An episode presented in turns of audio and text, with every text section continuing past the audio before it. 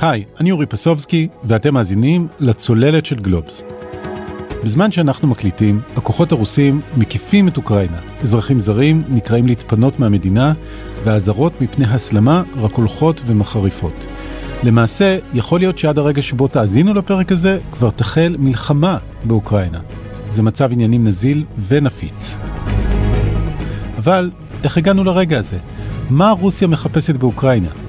וליתר דיוק, מה פוטין מנסה להשיג? מה מנופי הלחץ הכלכליים שיש לו על אירופה, ואיזה מנופי לחץ יש למערב מולו? היום בצוללת ננסה להבין קצת יותר טוב את הרקע ההיסטורי והפוליטי לרגע הנוכחי ולפענח עד כמה שאפשר מה מניע את פוטין. מי שינחה אותנו במסע הזה הוא יואב קרני, כתב גלובס בוושינגטון, ואז נדבר עם אסף אוני, כתב גלובס באירופה שממפה את האינטרסים הכלכליים ונקודות התורפה של רוסיה ואירופה. זה מאזן אימה כלכלי שבצד אחד שלו יש גז, שנים וחיטה, ובצד השני הרבה מאוד כסף. אבל נתחיל כאמור עם יואב קרני בוושינגטון. היי יואב. שלום אורי. אז אנחנו כמובן עוקבים אחרי ההתרחשויות בגבולות אה, אוקראינה, אה, ובאמת כל יום התפתחות אחרת, אבל אולי כדאי להתחיל מוקדם יותר. יואב, איפה בעצם כדאי להתחיל את הסיפור? אני הייתי מציע להתחיל ב-1989 על סיפור אונייה רוסית, סובייטית, בנמל ולטה במלטה. שם נפגשים הנשיא החדש של ארה"ב, ג'ורג' בוש האב, ומנהיג ברית המועצות, מיכאיל גורבצ'וב, כדי בעצם לסיים את המלחמה הקרה. For 40 years, the Western Alliance has stood together in the cause of freedom, and now with reform underway in the Soviet Union, we stand at the threshold of a brand new era of U.S.-Soviet relations. And it is within our grasp to contribute, each in our own way, uh, to overcoming the division of Europe and ending the military confrontation there. זה קרה שבועות אחדים לאחר נפילת החומה בברלין.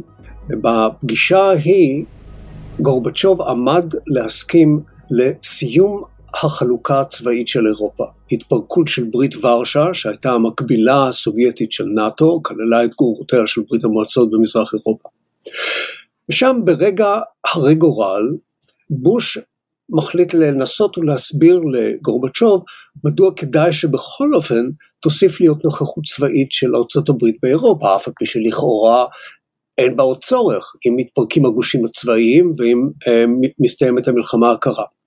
ואז להפתעתו של בוש ולהפתעתם של כל הנוכחים האחרים, גורבצ'וב אומר לו, לא זו בלבד שזה בסדר מבחינתנו, אלא שאדרבה, אנחנו רוצים שארצות הברית תוסיף לקיים נוכחות צבאית באירופה. יש לזה אה, הרבה סיבות מסובכות שאולי לא כדאי להיכנס אליהן. כך או כך, נאט"ו נשארת, לא מתפזרת בעקבות הפיזור של ברית ורשה, כפי שאחדים חשבו שיקרה, ולימים היא מתחילה את תהליך ההתרחבות. עכשיו, מה, מה זה תהליך ההתרחבות שלה, שהתחיל ב-1999, נמשך אחר כך ב-2004, ולימים פאזה שלישית ב-2014. אנחנו מדברים על מדינות קטנות מאוד, כמעט חסרות חשיבות שמצטרפות אל נאט"ו בשלבים מאוחרים. בשלב הראשון יש לך ארצות מרכזיות כמו פולין, שלהוטה להשתחרר מן הצלע הארוך של תוקפנות רוסית, בסוף המאה ה-18 פולין חדלה להתקיים, ורוסיה שולטת בה במשך 130 שנה, מניחה לה להתקיים עוד 20 שנה, וכעבור 20 שנה מחלקת אותה עם גרמניה הנאצית.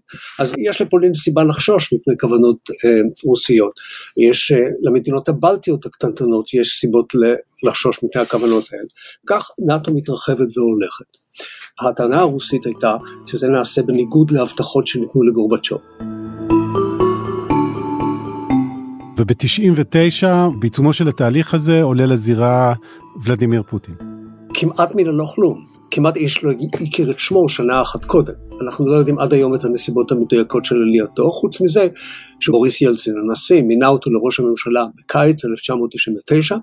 מיד עם כניסתו לכהונת ראש הממשלה הוא מוביל את רוסיה לסיבוב שני של המלחמה בצ'צ'ניה, שלוש שנים לאחר שהצבא הרוסי הובס במלחמה ההיא. פוטין מנחיל ניצחון לרוסיה ניצחון במלחמה הזאת.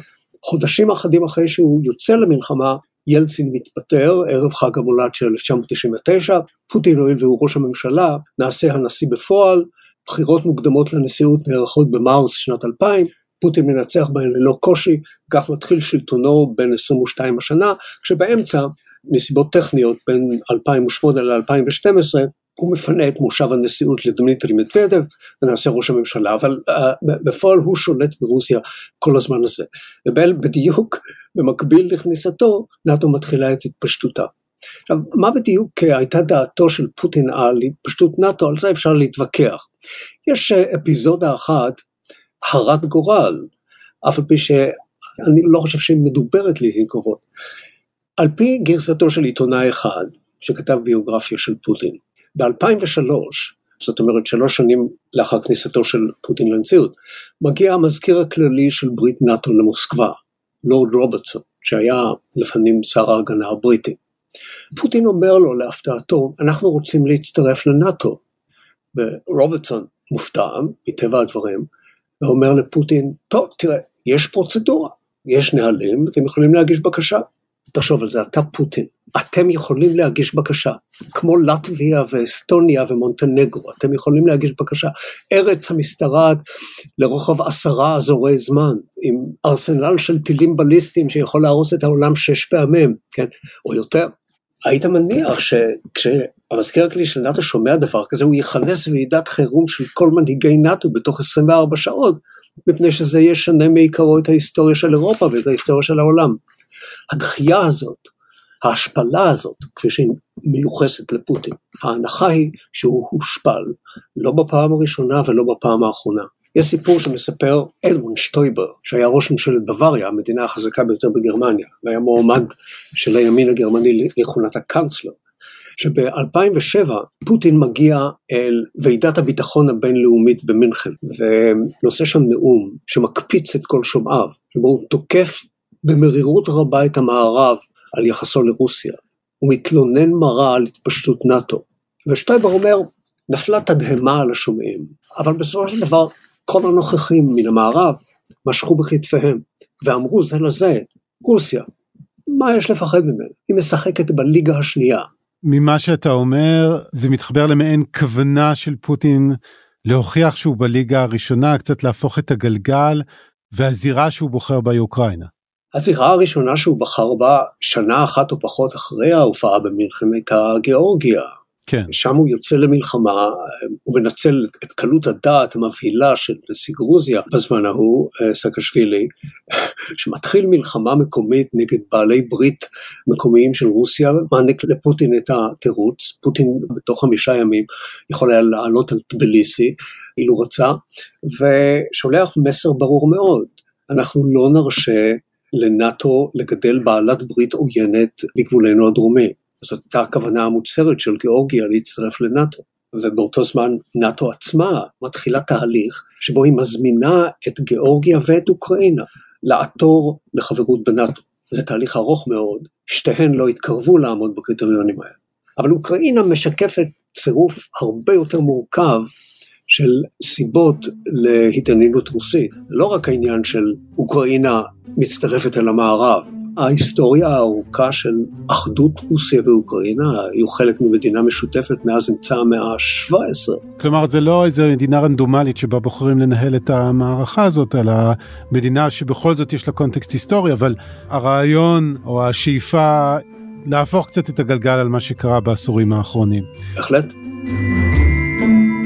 עכשיו אתה יודע בתקשורת העולמית בקרב אנליסטים אפשר לזהות לפחות כמובן שני נרטיבים אבל שניים מהנרטיבים הבולטים שאפשר לזהות בפרשנויות זה אחד שפוטין הוא מעין mastermind כזה אתה יודע סוכן הקג"ב לשעבר המתוחכם הגאון הגיאוסטרטגי איש השחמט הרוסי שמצליח לתמרן את כל העולם לאן שהוא רוצה ומצד שני, יש מי שאומר לא, מה פתאום, ארצות הברית היא זאת שדחקה את פוטין לפינה, אתה יודע, ביידן התריע ממלחמה, לקח את האיומים של אה, פוטין הרבה יותר ברצינות משהוא התכוון, ובעצם העלה את גובה ההימור מבחינת הרוסים.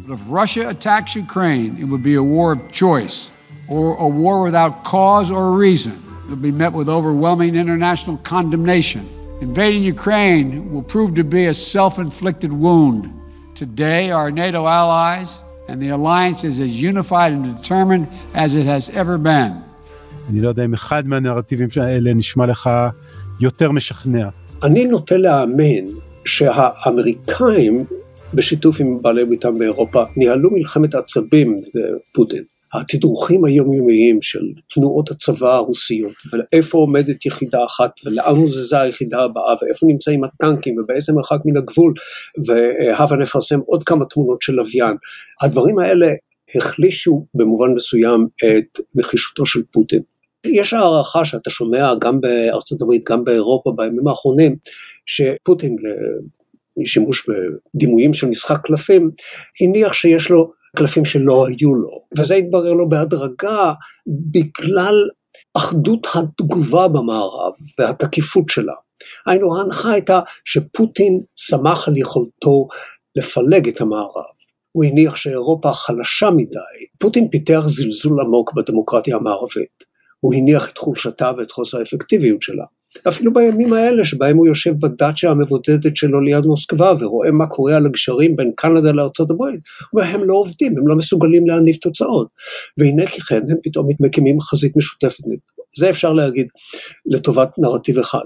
לטובת הנרטיב השני אפשר להגיד שפוטין מלכתחילה לא התכוון לפלוש, בהנחה שהוא לא יפלוש ב-48 השעות הבאות, לא התכוון מלכתחילה לפלוש, אלא רצה להלך אימים. במובן הזה הוא הצליח לעזור למערב להתרכז אה, ולהגיב סוף סוף על תלונות שהוא השמיע עוד לפני 15 שנה. אם להישאר עם המטאפורה הזאת של אה, קלפים ומשחקי קלפים, אני חושב שאחד הקלפים החזקים שיש הברית ביד הוא האפשרות לנסות להטיל סנקציות אה, אישיות על אוליגרכים, אולי על פוטין עצמו, הרי מעבר לכל האינטרסים הגיאו-אסטרטגיים והגיאופוליטיקה וההיסטוריה של רוסיה וכולי, לפחות לפי אתה יודע, אנשים כמו ביל בראודר או אה, נבלני, פוטין בעצמו מחזיק בהרבה מאוד נכסים בכל מיני מקומות בעולם, הוא אדם עשיר מאוד ואולי ארה"ב יכולה לפגוע בו באופן הזה, אה, בנכסים שלו. אגב, הייתה ידיעה בעיתון גרמני נדמה לי, בשבוע שעבר, שהיאכטה הפרטית שנבנתה בשביל פוטין בהולנד, נמלטה מן הנמל בשבוע שעבר כדי להתחמק מידן הארוכה של סנקציות אמריקאיות אם תהיה פלישה לאוקראינה. אין שום ספק, וזה לא בגדר רכילות או שמועות, שאוליגרכים מילאו תפקיד מרכזי בהתפתחות הקריירה הפוליטית והנשיאותית של פוטין. קודם כל הם אפשרו את עלייתו בשנת 2000, הם מימנו את מסע הבחירות הראשון שלו, הם במידה רבה המציאו אותו פוליטית, הוא היה מוקף בהם. אחר כך הוא הגיע אל בשלות ואל בגרות והתחיל להיות הפוטין שאנחנו מכירים, כאשר הוא התחיל לדכא את האוליגרכים, את האוליגרכים הלא נאמנים, שהוא אה, אה, השליך את אה, את אה, מיכאל חודולקובסקי, שהיה העשיר שבאוליגרכים, הבעלים של חברת, של ענק הנפט יוקוס, השליך אותו למחנה כפייה והחזיק אותו שם עשר שנים. אני חושב שאין שום ספק שהאינטרסים של האוליגרכים, לפחות מאז חודולקובסקי, מאז 2004, עובדים בשירות פוטין. זאת לא שבועה, זאת עובדה, הם לא היו יכולים להתקיים אלמלא עבדו בשירות פוטין. מה הם עושים? הם הולכים ותוקעים יתדות בכל מיני מקומות. הסינים בונים סכרים וסוללים דרכים ובונים נמלים, כולל בשכונה המיידית שלנו, מה עושים האוליגרכים של פוטין? הם קונים קבוצות כדורגל או עיתונים, כן? בכל אופן הם תוקעים יתדות או נכסי דלאנה דיי בלונדון. העיתונות הפופולרית מדברת על לונדון גראד, היקף השליטה של האוליגרכים בנדל"ן, והממשלה הבריטית אומרת שהיא תשים לזה קץ אחת ולתמיד, נראה אם היא יכולה, מפני שחלק מן האוליגרכים האלה תרמו הרבה כסף למפלגה השמרנית בבריטניה במערכת הבחירות הקודמת, זה מותר בספק, אבל החדירה של חלק מהיכולת של פוטין לחדור אל המערב היא תוצאה של האוליגרכים. והענשת האוליגרכים תפגע בו במישרים. עכשיו לגבי הפגיעה שתהיה בו, אפשר להעמיד את זה בכל מיני אופנים. למשל, ההמרה במחירי הנפט של השבועות האחרונים. תוצאה חלקית, לא מלאה, אבל תוצאה כלשהי של המשבר באוקראינה. אם מישהו חובב תיאוריות קונספירציה, הוא יכול להגיד, אה, תראו, כל מה שהוא רצה זה שהנפט יתייקר כדי שהוא יוכל להכניס עוד אה, כמה מיליארדים על חשבון הבנק שלו. זה, ההנחות הקונספירטיביות האלה הן, הן, הן תמיד אה, משעשעות, תמיד אפשר להזכיר אותן, אני חושב, במידה מוגבלת מאוד של רצינות. אבל אה, אני חוזר ואומר, הפגיעה באוליגרכים היא נשק חד, כבד משקל מאוד של ארצות הברית. מסתכלים על התמונות האלה שבאופן די מדהים אפשר לראות עכשיו בטיק טוק ובכל מיני רשתות חברתיות של הטנקים המרוכזים והטילים והשיירות מסוקים שחולפות בשמיים אתה זה מין מפגן עוצמה רוסי ובאמת נראים חזקים. מנגד אתה יודע אני בדקתי אה, היום את התוצר הרוסי הוא עומד על 1.4 טריליון דולר שזה הרבה אבל התוצר של ישראל הוא 400 מיליארד דולר כלומר רוסיה הגדולה המעצמה לכאורה בסך הכל הכלכלה שלה גדולה מכלכלת ישראל רק פי שלושה וחצי זה די חולשה כלכלית איך נאמר. שמע, וזה מזכיר את ימי ברית המועצות האחרונים. התוצר המקומי הגולמי של ברית המועצות היה שווה לזה של פורטוגל.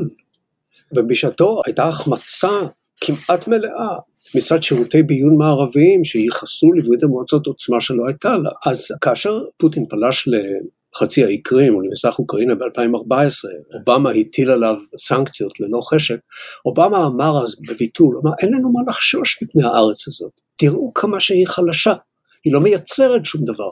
אז במובן הזה היא מוסיפה להיות כזאת, אבל כמובן יש לה נשק הברור החד משמעי של שימוש באוצרות טבע ובמינרלים, לא רק בעניינים המובנים של נפט וגז טבעי, כי גם בשורה של מינרלים שמשמשים את תעשיות המערב.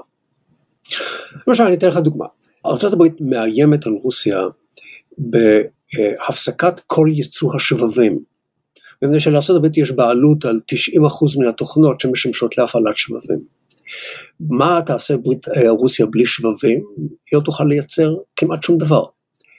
אבל מצד שני, כדי לייצר שבבים צריך גז שנקרא ניאון.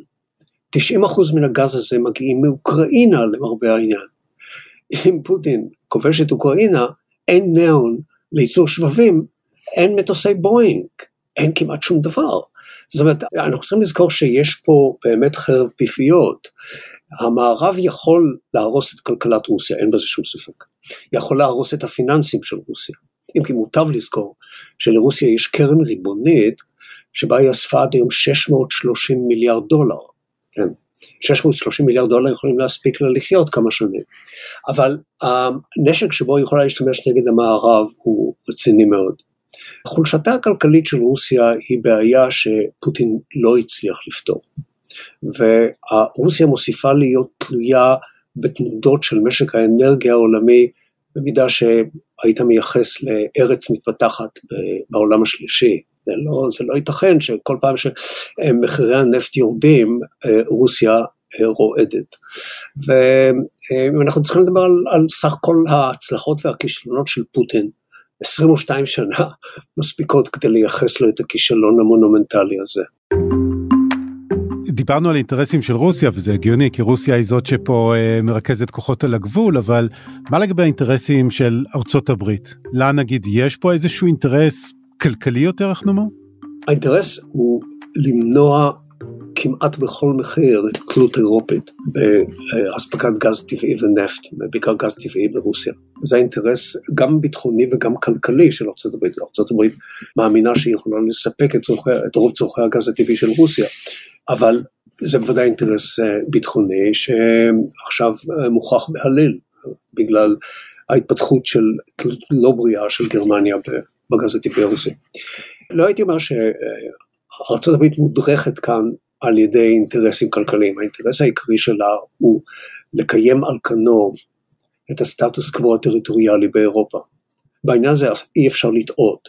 סטטוס קוו טריטוריאלי באירופה הייתה המגמה של אה, שתי מעצמות העל בזמן המלחמה הקרה, הגיעה אל, אל שיאו בוועידת הלסינקי ב-1975, שכל מהותה הייתה הכרה בגבולות הקיימים. פוטין, אנחנו צריכים להתאים את העניין הזה, פוטין מצטרף עכשיו על חברתם של פשיסטים אירופיים בין שתי מלחמות העולם, שכל מיהותם הייתה קריאת תיגר על הסטטוס קוו הטריטוריאלי שאיתו הם לא הסכימו. אז יציבות באירופה היא הסיבה העיקרית שארצות הברית עושה מה שהיא עושה. ולסיום, רציתי לשאול אותך מה אתה חושב שיקרה כלומר כמובן אף אחד לא יודע מה העתיד ומאוד קשה לפענח את הכוונות uh, של רוסיה וכמובן יכול להיות שעד uh, uh, שהמאזינים שלנו ישמעו את הפרק כבר נגלה מה היו הכוונות ואולי רוסיה תפלוש אבל יש גם סבירות מסוימת שהמשבר הזה פשוט יימרח ויימרח. אני חושב שרוסיה לא תניח לו להימרח. הפתרון יהיה בסופו של דבר, אני הזכרתי את הקליימקס של ימי המלחמה הקרה שנקרא הוועידה לביטחון אירופה בהלסינקי ב-1975 שהתכנסה בעיקר על פי דרישת ברית המועצות, ברית המועצות הייתה מוטרדת ממה שהיא תפסה כהתנגדות מערבית לגבולות הקיימים באירופה שהעמידו אותה אז לאורך נהר האלבה בגרמניה. אני חושב שהמוצא מכאן תהיה ועידה חדשה לביטחון אירופה שבה יוגדרו, יחזרו ויוגדרו הפרמטרים. ומצד אחד תהיה הסכמה דה פקטו של אה, נאט"ו אה, לא להתפשט מזרחה מעבר למה שהוא קיים עכשיו, לדלל כוחות מאותם חלקים של מזרח אירופה אה, שהיו לפנים בתחום ההשפעה הסובייטי והם היום בנאט"ו, להתחייב על דילול או פינוי של טילים אמריקאים לטווח בינוני מאדמת אירופה. ומצד שני, רוסיה תצטרך בתמורה להתחייב על הסכמתה המלאה לגבולותיהן הקיימים של המדינות הגובלות בה, היינו בעיקר איפה, מה זה המדינות הגובלות בה, זה כמובן בעיקר אוקראינה והמדינות הבלטיות שרועדות מפחד, לא מקרה הוא שהמדינות הבלטיות הן המעורבות ביותר באימון צבא אוקראינה בימים האלה. זאת עשויה להיות בסופו של דבר התוצאה. יואב קרני, תודה רבה. תודה לך אורי. אז הסיפור של אוקראינה הוא במידה מסוימת עימות גיאופוליטי בין המעצמות, ארה"ב ורוסיה. מה שנקרא המשחק הגדול. אבל הלוח שעליו המשחק הזה מתרחש נמצא באירופה, שבגבולה המזרחי נמצאת אוקראינה, ומי שלא כל כך רחוק משם הוא אסף אוני, כתבנו באירופה. היי אסף. היי אורי, היי מברלין. בדקתי במפה לפני שהתחלנו לדבר, ואוקראינה לא עד כדי כך רחוקה ממך, המרחק מברלין למערב אוקראינה הוא בערך כמו המרחק מברלין לפריז. אז המתיחות הזאת באוקראינה היא משהו שמורגש גם uh, במערב אירופה? זה משהו שמעסיק את הציבור? אז המרחק הוא באמת uh, אולי פיזית לא כל כך גדול, אבל מבחינה גושית, מבחינה פוליטית, uh, מדינית, הוא די גדול, כי אוקראינה נמצאת בעצם מחוץ לגוש האיחוד האירופי, מחוץ לברית נאט"ו, אה, באמצע יש את אה, פולין שהרוסים אה, צריכים לכבוש גם אותה כדי להגיע קרוב לגרמניה ולכן הסיפור הזה נראה בגרמניה כסיפור מאוד מאוד חשוב הוא לגמרי שלט בכותרות אבל הוא לא נתפס כאיום ממש על מלחמה ממש בגבולה של גרמניה או קרוב אליה. צרות של אחרים. בכל זאת ראינו את uh, הקאנצלר החדש בגרמניה, אולף שולץ, את נשיא צרפת מקרון, מגיעים לפגוש את פוטין, uh, גם הם חלק uh, מהתמרונים הדיפלומטיים. כן, בהחלט, גרמניה, אירופה כולה, האיחוד האירופי משחקים תפקיד מכריע, כמו שאמרת, הם המגרש שעליו מתנהלת המלחמה, הם למעשה ביחד עם ארצות הברית מי שמנופפים באיום הזה של סנקציות, שהוא הדבר שאמור להרתיע את רוסיה מפלישה לאוקראינה. אה, צריך להיות ברורים לגמרי, אה, אירופה וארצות הברית הבהירו וככה הם פתחו את המשחק הנוכחי שהן לא מתכוונות אה, לשלוח חיילים לאוקראינה, הם אפילו מיהרו לפנות משם נציגויות דיפלומטיות, אנשים, תיירים, קראו לאזרחים שלהם להיחלץ, הם זנחו את אוקראינה למעשה להילחם על גורלה מול רוסיה, אבל הבטיחו לעזור לה בכל הדרכים האחרות שהם יכולים כמו בנשק, אם אנחנו מדברים על ארה"ב ועל כמה מהמדינות היותר בוא נגיד אנטי רוסיות בתוך האיחוד האירופי ובתוך נאט"ו, ובין אם מדובר בכסף כמו שגרמניה הציעה לעשות. אז הזכרת את הסנקציות, זה בעצם השוט שיש uh, למערב מול רוסיה במידה רבה, אבל אני חושב שגם אירופה עצמה, ואולי אפילו ספציפית גרמניה, הן תלויות ברוסיה בעצמן. גם לרוסיה יש שוט, בעיקר אנרגיה נדמה לי? זה יחסי תלות הדדיים, אבל יש שרואים את היחסים האלה מהאספקט שבהם אה, אירופה, במיוחד גרמניה, תלויים ברוסיה למשאב שבעצם כמעט ולא ניתן להחלפה, וזה הגז הטבעי. אה, שליש מהגז הטבעי אה, מהאיחוד האירופי מקורו ברוסיה, בגרמניה מדברים על חצי מהגז הטבעי שמגיע מרוסיה. במצב העניינים הנוכחי אין ממש אלטרנטיבות. וכשאנחנו מדברים על חורף אנחנו מדברים ממש על מאגרים שנמצאים בשלושה אחוז קיבולת בסך הכל במערב גרמניה, אנחנו מדברים על חשש מהפסקת ייצור בתעשייה, אנחנו מדברים על אה, חשש אמנם ארטילאי אבל שהופך להיות טיפה מוחשי במוח של האנשים לגבי מה יקרה כשהחימום ייפסק ובכל זאת הטמפרטורות פה קרובות לאפס. אה, ולכן אה, כמו שטראמפ אולי ניסח בצורה אופיינית הוא אמר שגרמניה היא שבויה לחלוטין של רוסיה בגלל התלות באנרגיה. מהצד השני אנחנו מדברים על הרבה מאוד כסף לרוסיה. אנחנו מדברים על עשרות מיליארדים מדי שנה, על הדבר, על היצוא המרכזי שלה, שבעצם מאפשר לה להתקיים כמדינה עצמאית, מאפשר לפוטין להיות בשלטון ברמות שונות של פופולריות. כלומר הגרמנים אולי חייבים לקנות את הגז מרוסיה אבל רוסיה גם צריכה את הכסף ובמידה מסוימת הגרמנים תמרנו את עצמם למצב הזה שבו הם תלויים ברוסיה. החטא הקדמון אם תרצה אה, בנושא הזה הייתה החלטה של אה, מרקל שעשתה אותו באופן די אישי אחרי האסון בפוקושימה, פשוט לסגור את כל תחנות הכוח הגרעיניות בגרמניה לאט לאט. זה הולך וקורה, הנתח של האנרגיה הגרעינית בגרמניה ירד מעשרות אחוזים ל... אני חושב משהו כמו עשרה אחוז, עד סוף השנה זה אפילו יפחת עוד יותר. במקביל גרמניה סוגרת תחנות כוח פחמיות בגלל הזיהום והשחרור של גזי חממה, ועדיין אין לה את היכולת המספיקה כדי לפצות על זה באנרגיות מתחדשות, ולכן היא מצאת עצמה כשהיא תלויה בגז טבעי מנורבגיה ומרוסיה, היא אפילו לא פיתחה, כמו שארצות הברית דרשה, טרמינלים להפקה של גז נוזלי שארצות הברית יכולה להביא, וגם שיכולים להגיע ממדינות אה, מפרץ וגם מצפון אפריקה. אז היא בעצם שמה את כל הביצים בסל שנקרא גז רוסי, ומי שעזר לה לעשות את זה, זה הקאנצלר לשעבר גרהרד שרדר, שהיה הכוכב של, אה, למרות שהוא לא היה שם, הכוכב של מסיבת העיתונאים אתמול, אה, השבוע של אה, שולץ ושל פוטין. Если ему не хочется это делать, пусть скажет спасибо господину Шредеру, потому что это его результат. результат его работы. שבה פוטין שיבח אותו ואמר כמה הוא עזר לתושבי גרמניה ושבעצם הוא חוסך להם הרבה כסף על ידי זה שהוא יזם והקים את פרויקט נורדסטרים 2 ועכשיו הוא הולך להיות בהנהלה של גזפרום, החברה שתזרים את הגז בעצם לגרמניה. אז קאנצלר גרמניה לשעבר הוא עכשיו בחברה הרוסית שמוכרת גז לגרמניה, יפה. מהו פרויקט נורדסטרים 2?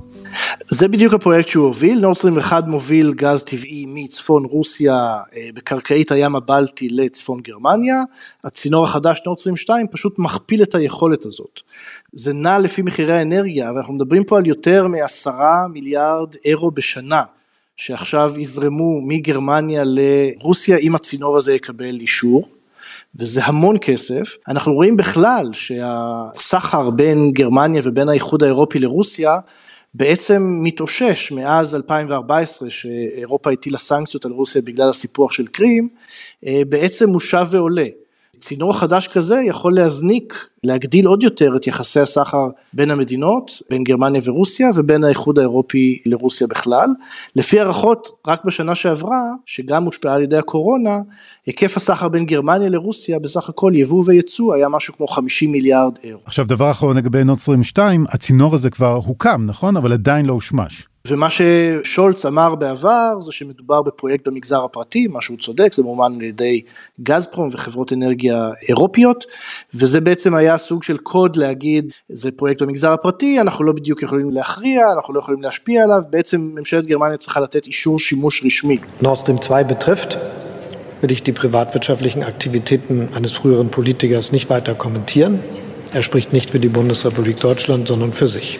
Was die Pipeline selber betrifft. והעובדה שהוא חזר על זה השבוע במוסקבה, מסמלת סוג של איתות לרוסים, ששולץ, שאף פעם לא אמר בקולו, אנחנו נסגור את נורד 22 אם תפלשו לאוקראינה, רוצה להמשיך עם, ב, עם הפרויקט הזה, שהוא מאוד מאוד חשוב לצרכן הגרמני ולתעשייה הגרמנית. אוקיי, אז אנרגיה אני מניח מעסיקה את האירופים מאוד, אה, בוודאי כשמאגרי הגז שלך עומדים על שלושה אחוז ואתה באמצע החורף, אבל זה לא רק אנרגיה. כלומר, יש עוד משאבים שאירופה קונה מרוסיה ומאוקראינה עצמה. כן, אז כמו שאמרנו, הסחר בין הגושים, בין רוסיה לבין האיחוד, הולך ועולה בשנים האחרונות, אחרי ההשפעה של הסנקציות. העסקים לומדים איך להתמודד עם הסנקציות ו- ומה לעשות. זה כולל כמובן גם דגנים, במיוחד חיטה, רוסיה ואוקראינה שתיהן הן מיצרניות החיטה הגדולות ביותר בעולם, זה כולל גם דשנים שהם מאוד מאוד חשובים לייצור מזון ולגידול אה, חקלאי, ושרוסיה היא היצואנית הגדולה ביותר בעולם של דשנים, ויש כאלה שמעריכים שבמקרה של עימות, אז למעשה מחירי המזון באירופה שכבר חווים עלייה, אה, יעלו עוד יותר. רוסיה הקפיאה את ייצוא הדשנים לפני שבוע, שבועיים, וחוששים שהיא תמשיך לעשות את זה אם יהיה עימות עם אוקראינה, ואז מחירי המזון באירופה שכבר אחראים אה, בין השאר לאינפלציה, יזנקו עוד יותר. אוקיי, okay, אז כמובן שרוסיה צריכה את הכסף uh, מאירופה עבור כל הסחורות והאנרגיה הזאת, אבל לאירופה יש סיבות uh, טובות ממה שאתה אומר, לחשוש מעימות uh, שישבש את האספקה מרוסיה לכיוונם, אבל אם ללכת קצת לכיוון השני, בכל זאת ראינו בשנים האחרונות, אני חושב במיוחד בתקופתו של טראמפ, דיבור אירופי על הצורך uh, להתחזק, להחזיק uh, עוצמה צבאית אירופית ולא להיות תלויה רק בצבא האמריקאי. אז זה נכון, זו הייתה באמת יוזמה שעדיין נמשכת, נקראת פסקו ונמשכת תחת מסגרות אחרות, להקים מעין צבא אירופאי. ואפילו שולץ דיבר על זה בריאיון שערכנו, עורכת גלובס נעמה סיקולר ואני, על הצורך לקונסולידציה של תעשיית הנשק האירופית. הוא אמר משקיעים יותר מדי בלייצר סוגים שונים, אם נעשה את הכל ביחד זה יהיה הרבה יותר כלכלי. ובעצם האיחוד התקדם לפחות מבחינה קונספטואלית בהקמת אותו צבא אירופי, או כמו שקרא לזה נשיאת הנציבות, צבא של אירופאים, אבל הוא קיבל קצת אה, כתף קרה מצד נאט"ו ומצד ארצות הברית, שאמרו לו, היי, hey, אתם הולכים להתחרות בנאט"ו, אה, אנחנו רוצים שתבהירו שזה בכלל לא יתחרה ושההוצאות התקציביות שלכם יהיו על נאט"ו, כמובן שזו דרך שבה ארצות הברית שומרת על תעשיית הנשק שלה, ובעצם אנחנו רואים סוג של התקררות בכיוון הזה, אבל בעצם נכון לעכשיו גם העימות הנוכחי הראה את החשיבות של נאט"ו, אולי הוא אפילו אה, יוביל לכך שמדינות אה, יגדילו את הרכש הצבאי שלהם ואולי יעמדו ביעד שהיה נושא לכל כך הרבה ויכוח בין אה, האיחוד האירופי לבין ארצות הברית, של הוצאה של 2% מהתמ"ג שלהם על ציוד ביטחוני. בשורות טובות לתעשיית הנשק לפחות. יכול להיות שאלה בשורות טובות לתעשיית הנשק, צריך לראות כמובן מה קורה, וצריך לזכור שאוקראינה כמובן היא מחוץ כרגע לגוש, ועוד נקודה מאוד חשובה היא שבמסיבת עיתונאים שולץ, וזה קצת פוספס בתקשורת הבינלאומית, שולץ אמר שהוא לא רואה הצטרפות של אוקראינה לנאטו כדבר רלוונטי בשנות הכהונה שלו. הוא מתכנן להיות קאנצלר פעמיים, הוא כבר אמר את זה, לכן הוא כאילו הוריד מהשולחן את ההצטרפות של אוקראינה לנאטו בשמונה השנים הקרובות, כמובן שגם ארה"ב בעבר אמרה שעל אוקראינה לטפל בבעיות שחיתות ובמוכנות הצבא שלה, היא עוד לא אמרה שהיא מוכנה להצטרף לנאטו, אבל זה היה סוג של רמז לרוסים, שבסופו הייתה עקיצה קטנה לכיוון נשיא רוסיה ולדימיר פוטין, כששולץ אמר אני לא יודע כמה זמן הנשיא הרוסי מתכנן להיות בתפקיד. טוב, אז נראה מי יחזיק אה, יותר זמן בתפקיד. ומי שרוצה לשמוע עוד על אה, תעשיית הנשק האירופית והקשר שלה דווקא לישראל, מוזמן כמובן להקשיב לפרק שהקלטנו על הסודות שמאחורי עסקת הצוללות, פרק 160 של הצוללת וטיסנקרופ והקשר הישראלי. אז אסף אתה ממשיך לעקוב כמובן. בטח. תודה אסף. תודה רבה אורי.